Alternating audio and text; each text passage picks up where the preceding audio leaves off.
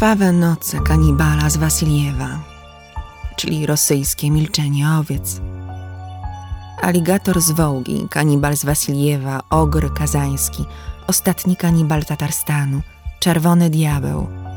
Wszystkie wymienione przydomki odnoszą się do jednego człowieka, Aleksieja Wasiliewicza Sukletina. Czy na pewno był człowiekiem, a nie potworem w ludzkiej, całkiem atrakcyjnej skórze? Posłuchajcie.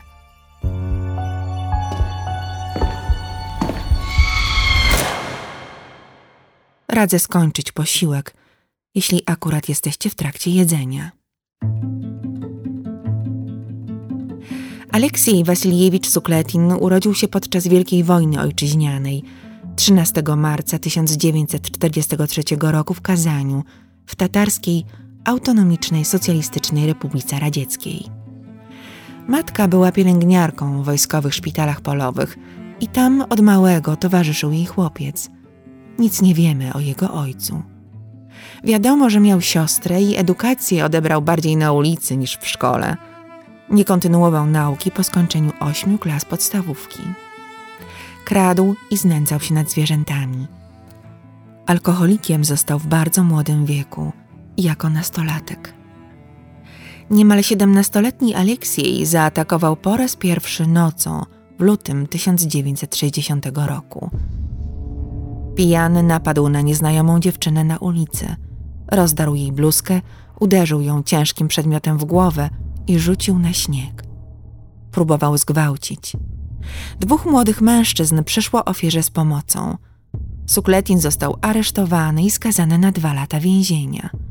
Otrzymał bardzo łagodną karę, biorąc pod uwagę, że w tamtych czasach za gwałt mógł usłyszeć wyrok śmierci. Chłopak płakał na rozprawie i okazywał wyrzuty sumienia.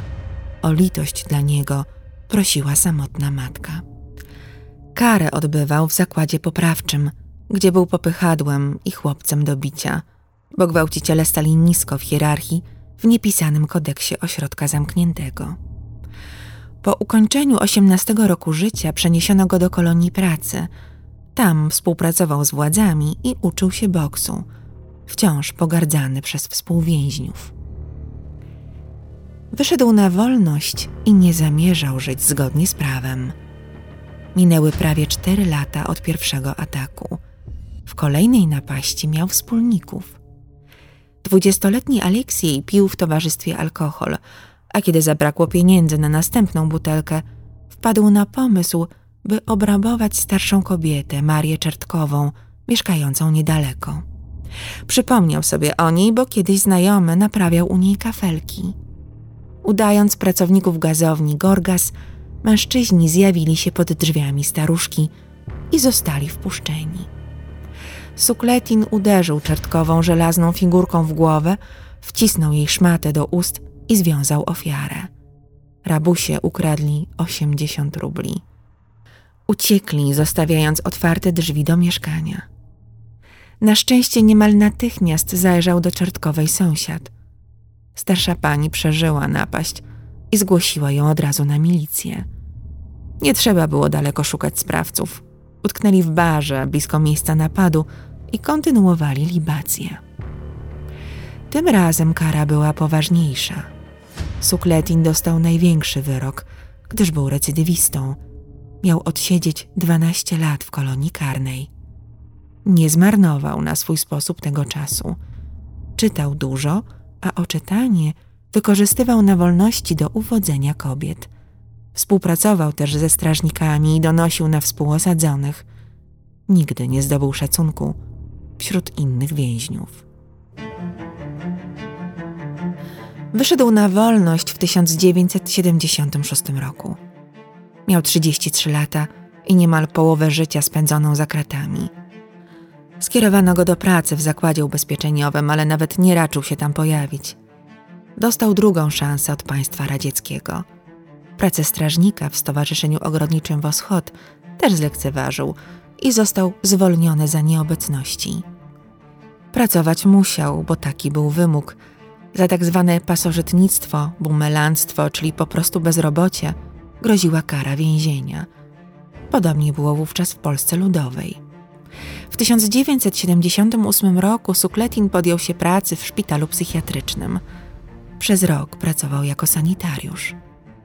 Potem został zatrudniony jako strażnik na osiedlu ogrodniczym Kaenłyk, czyli Brzezowy Gaj po tatarsku, w osadzie Wasiliewo, 30 kilometrów na zachód od Kazania.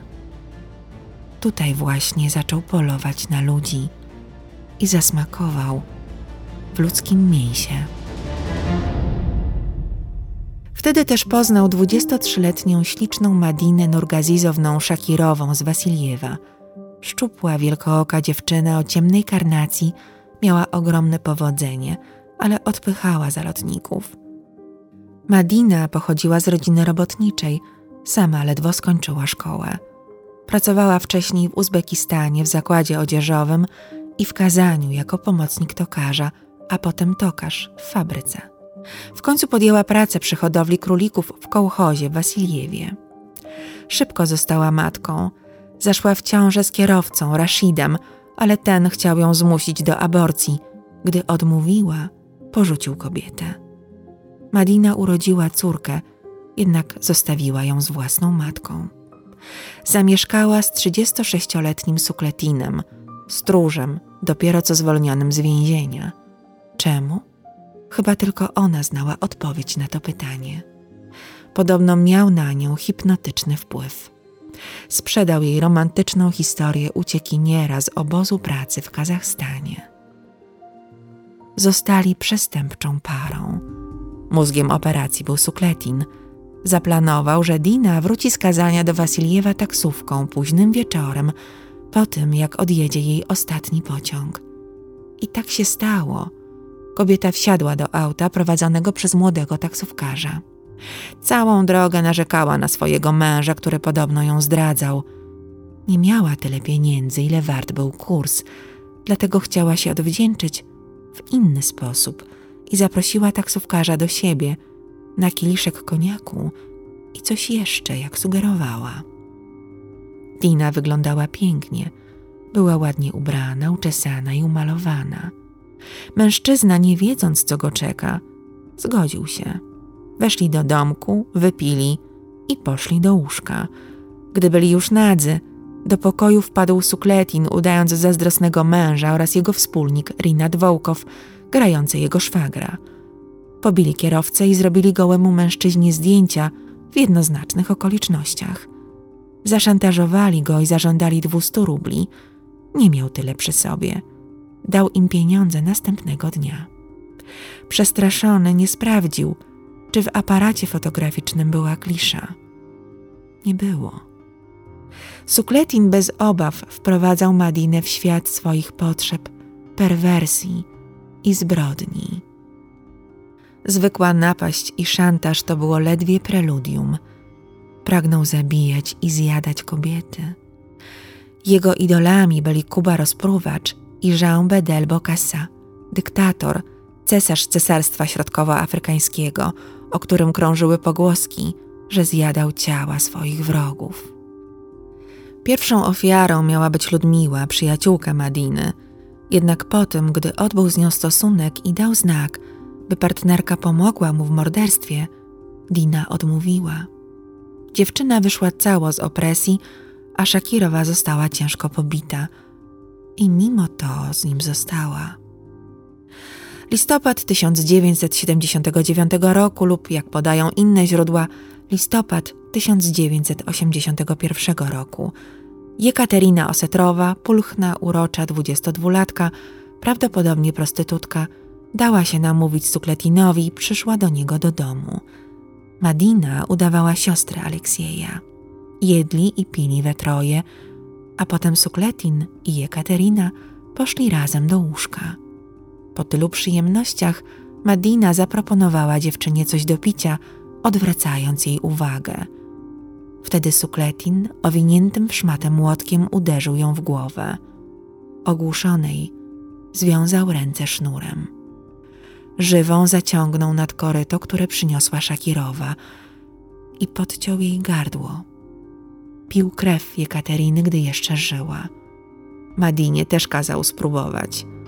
Ofiara wykrwawiła się na śmierć.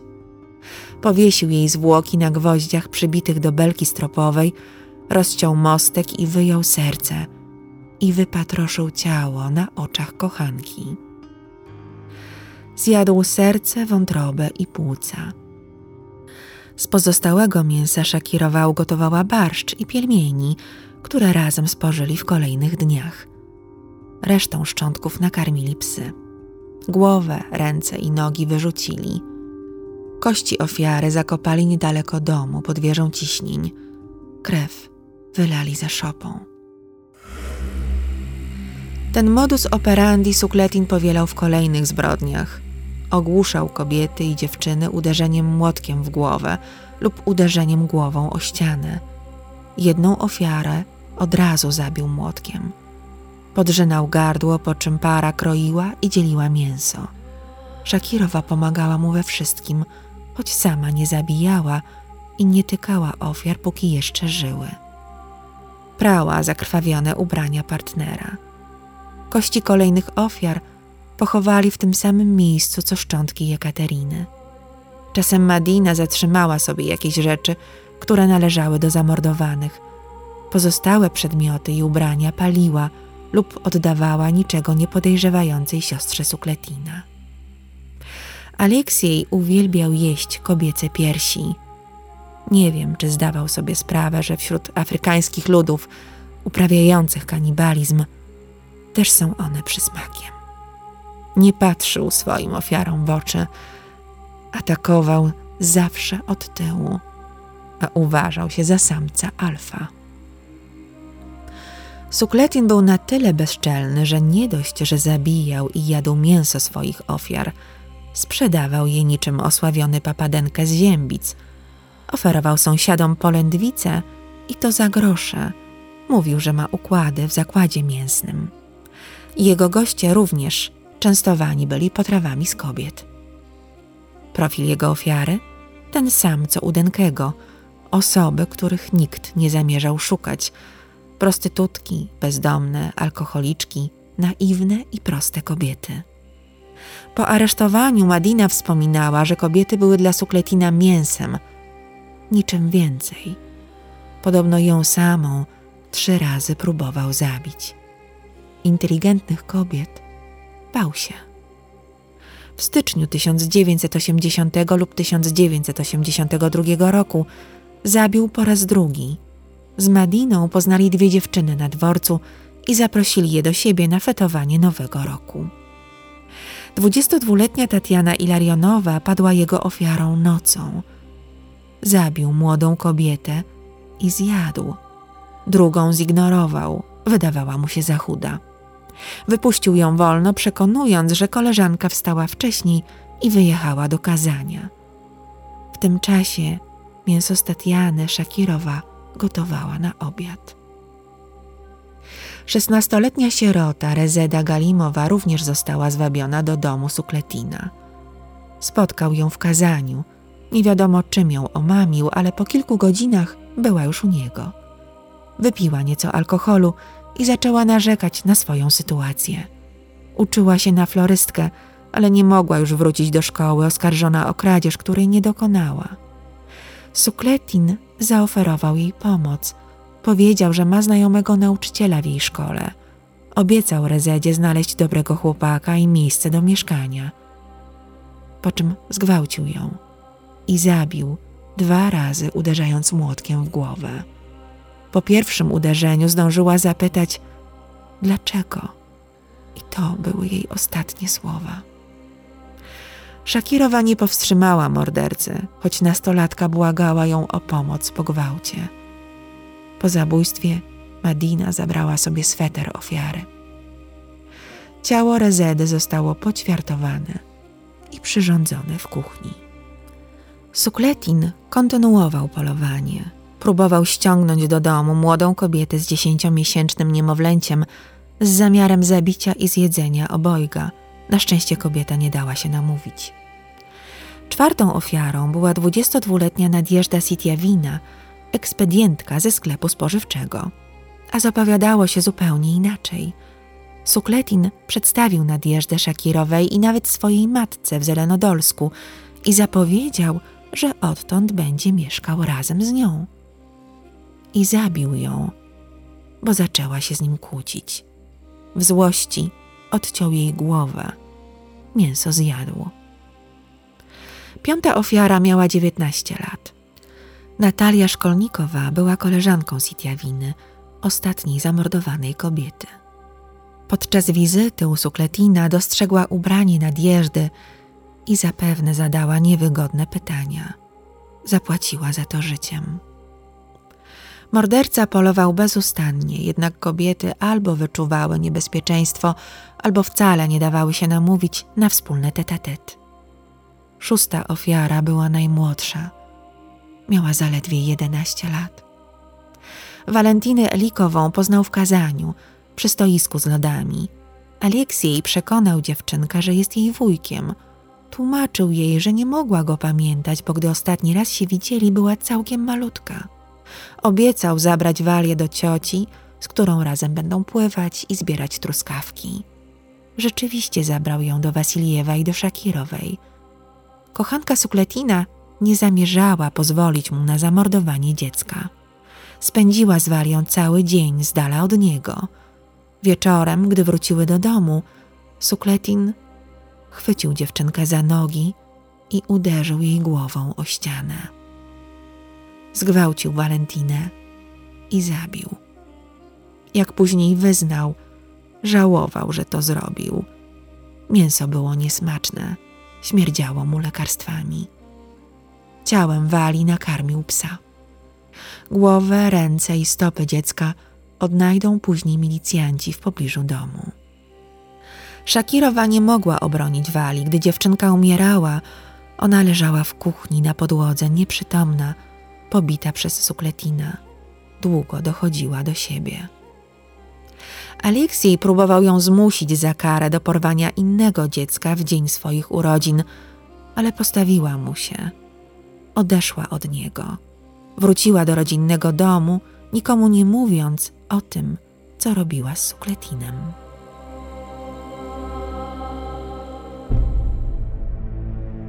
Gdy Aleksiej został sam, nie zrezygnował ze zbrodniczego trybu życia. Zgwałcił nieletnią córkę swojego kolegi Borysa i znalazł sobie nową partnerkę. 23-letnią alkoholiczkę Lidię Aleksandrownę Fiodorową w pakiecie z jej krewnym, Anatolijem Nikitinem. Razem się bawili i pili, ale kobieta nie była skora do pomagania w zabijaniu. Groziła nawet, że doniesie na Sukletina na milicję jeśli nie da jej pieniędzy na alkohol.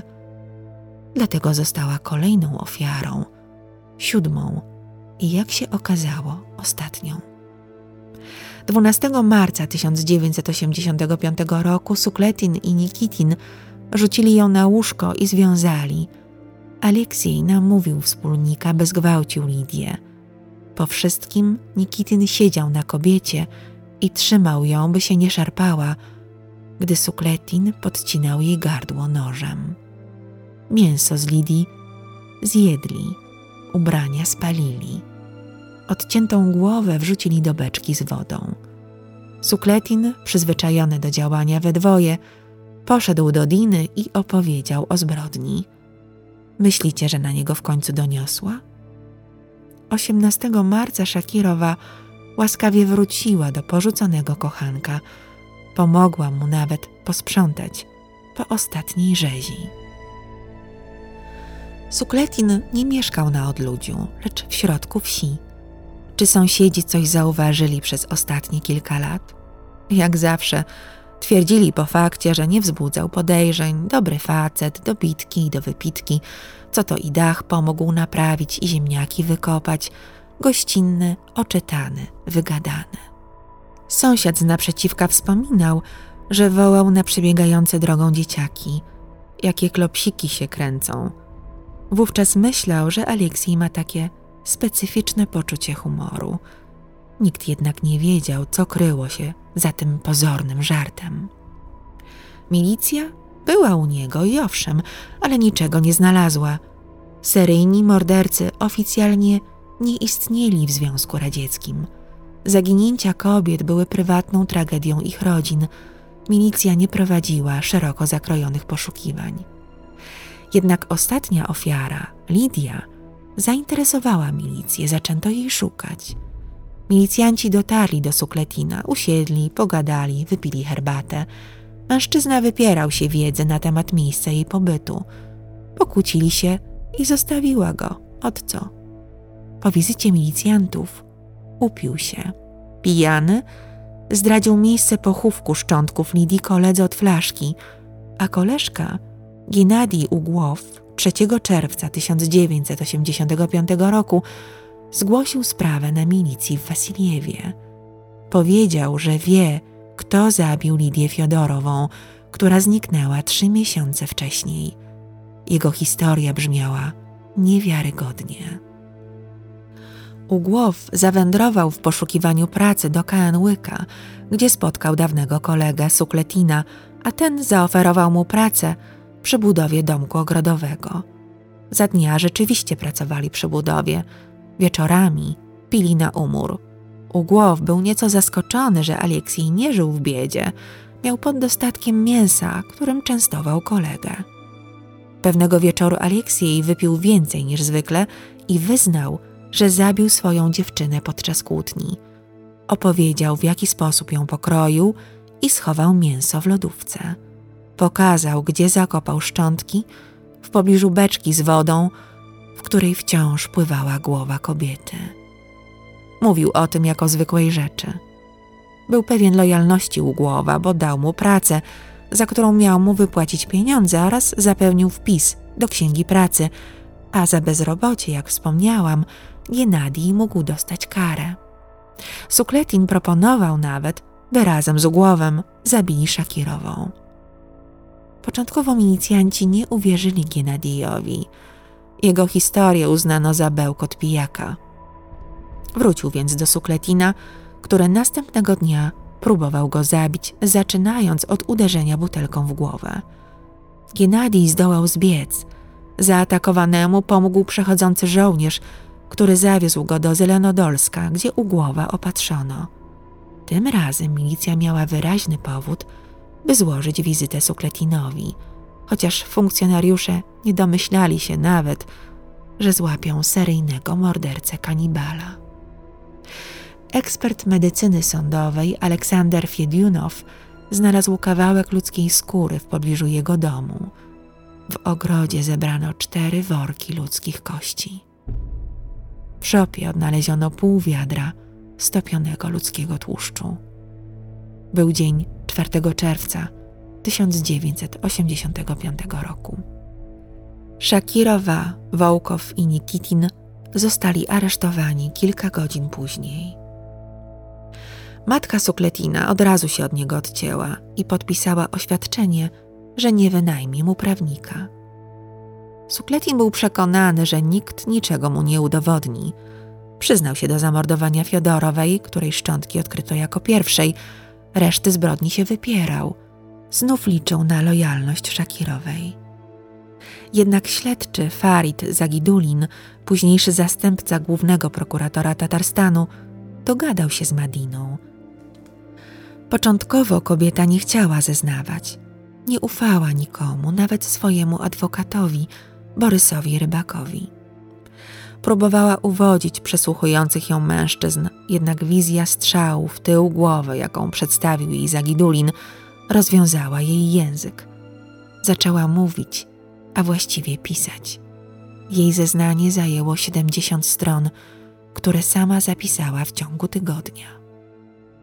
Wyznała, że nikogo nie zabiła, tylko kroiła mięso i gotowała je. Ukradła też trochę rzeczy zabitych ubrania, buty, książki. W Moskwie, w słynnym centrum serbskiego, które możecie kojarzyć z innych moich odcinków o radzieckich i rosyjskich mordercach, przeprowadzono badania psychiatryczne mordercy. Sukletin nie miał żadnych wyrzutów sumienia. Podobnie jak później Michał Popkow, seryjny morderca, do którego należy niechlubny rekord liczby zabitych ofiar w Rosji, twierdził, że pomógł społeczeństwu oczyścić je z elementu amoralnego. Nie bał się kary boskiej. Bał się jednak śmierci i nie chciał umierać. Eksperci uznali go za poczytalnego, choć próbował udawać szaleńca i symulował zaniki pamięci. Psychiatrzy dostrzegli psychopatyczne cechy charakteru, egocentryzm, okrucieństwo, mściwość, które jednak nie przysłaniały kontrolowania jego zachowania. Sukletin wymyślał zbrodnie, które jakoby popełnił daleko od Tatarstanu, żeby spowolnić śledztwo. Walczył o kolejne dni, tygodnie życia. Wyobraźcie sobie, że kazał sobie płacić po 50 rubli plus kawa i herbata za ujawnienie miejsca pochowania szczątków ofiar. Z lubością wracał do chwil, gdy mordował i zjadał ciała zabitych kobiet. Nic go jednak nie uratowało. W areszcie ćwiczył, by mieć siłę do ucieczki. Rozpowiadał, że jest kanibalem, by zyskać posłuch wśród innych osadzonych. Efekt był odwrotny. Po walce z jednym z więźniów, którą przegrał, spadł nisko w więziennej hierarchii. W sumie oskarżono go o 20 morderstw. Przyznał się do 15, udowodniono mu 7. Śledztwo trwało do 3 marca 1986 roku. Sąd Najwyższy Republiki Tatarskiej miał do przestudiowania 19 tomów akt. Szefem składu sędziowskiego był Rif Sharifulin, wiceprzewodniczący Sądu Najwyższego do Spraw Karnych Tatarstanu. Nie musiał się nad tym pochylać, bo sprawy pierwszej instancji rozpatrywali młodzi sędziowie. Nie chciał ich jednak narażać na stres psychiczny związany z drastycznością zbrodni Sukletina. Podczas rozprawy oskarżony zachowywał spokój. Nie wierzył, że można go skazać na śmierć za mordowanie marginesu społecznego. 18 kwietnia 1986 roku Aleksiej Wasilijewicz Sukletin został skazany na karę śmierci przez rozstrzelanie.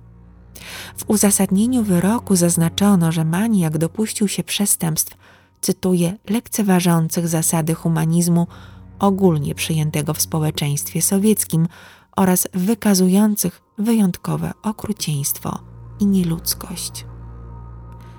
Na egzekucję czekał rok i trzy miesiące, o czym nie wiedział. W Związku Radzieckim nie informowano skazańców, podobnie jak w PRL-u czy we Francji, o dacie egzekucji. Wyciął z chleba damskie pantofelki i podarował je Zagidulinowi wraz ze swoim zdjęciem z podpisem na pamiątkę spotkania z kanibalem Sukletinem, ostatnim kanibalem Tatarii. Ostatnim życzeniem Sukletina było zobaczyć Madinę. Pozwolono mu na to. Prosił ją o przebaczenie i dał jej jabłko. 29 lipca 1987 roku wyprowadzono go z celi i wykonano wyrok strzałem w tył głowy. Madina Szakirowa została skazana na 15 lat więzienia. Prokurator oczekiwał kary śmierci. Skrucha i strach przed Sukletinem były jednak okolicznościami łagodzącymi. Po latach, w 2014 roku, jej adwokat Borys Rybak powie w wywiadzie dla portalu Biznes Online. Wszyscy byli pewni, że moja klientka zostanie skazana na śmierć, oprócz mnie. I różnej maści funkcjonariusze przychodzili do sądu, ci urzędnicy KGB, MSW, bo proces toczył się obok. Nawet zakładali się ze mną o koniak, że będzie egzekucja, bo prokurator zażądał kary śmierci. Mówię nie, nie będzie. W swoim przemówieniu powiedziałem po prostu, że własnymi rękami nie odebrała życia ani jednej osobie. Ten argument wystarczył, by uratować jej życie. Anatolij Nikitin został skazany na 15 lat za współudział w zabójstwie Lidii Fiodorowej. Rinat Wołkow, wspólnik przy przekręcie z taksówkarzem, dostał 7 lat za wymuszenie. Szakirowa w więzieniu wzbudzała obrzydzenie. Nazywano ją Dina Młynek do mięsa. Najpierw siedziała w kolonii w Kozłówce w Republice Czuwaskiej, ale inni więźniowie nie dawali jej spokoju, więc trafiła do kolonii w obwodzie archangelskim, w rejonie plesieckim na północy Związku Radzieckiego. Jej przeniesienie doprowadziło do buntu.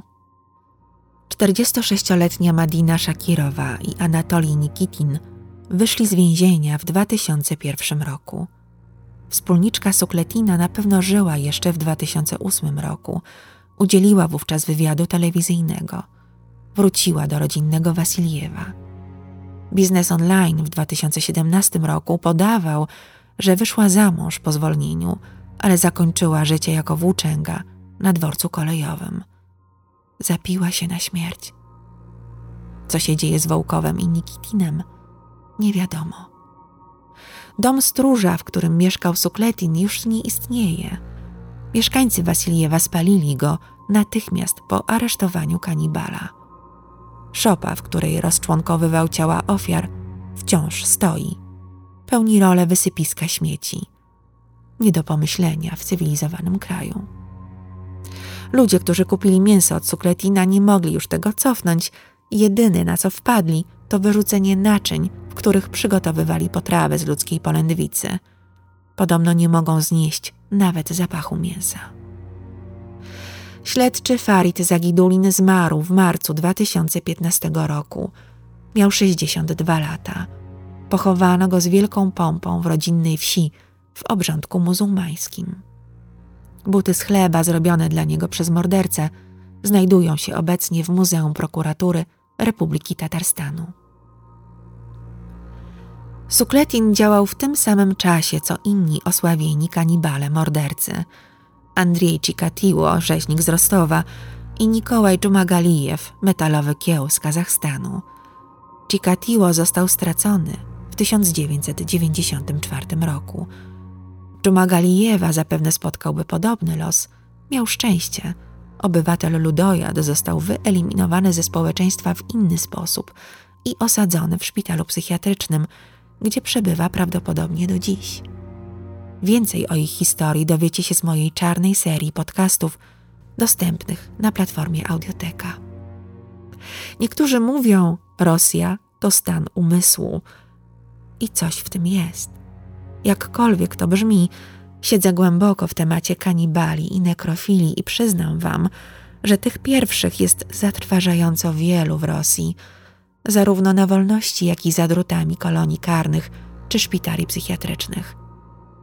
Potwór z Nowokuźniecka, Aleksander Spiesiwcew, został złapany w 1996 roku. Zabił co najmniej 19 dziewczyn i młodych kobiet. Łapał je, mordował i gotował z pomocą matki Ludmiły. Podejrzewano, że dokonał więcej zbrodni, jednak nie było pieniędzy na przeprowadzenie dokładniejszego śledztwa. Spiesiwcew dziś ma 52 lata i podobnie jak Dżumagalijew przebywa w szpitalu psychiatrycznym. Oby. Inna wersja może być taka, że wysłano go na front ukraiński. Mieszkanie Spiesiwcewów podpalili sąsiedzi z bloku. Obecnie jest zapieczętowane. Czemu wam wspomniałam o tym na koniec?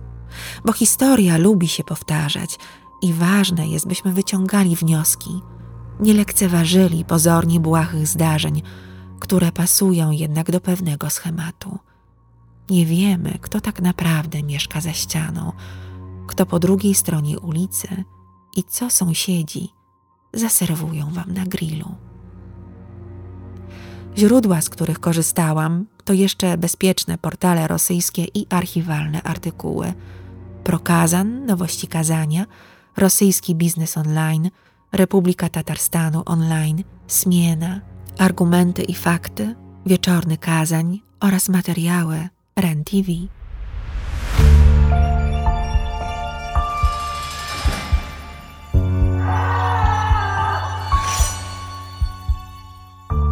Do usłyszenia. Renata z worka kości.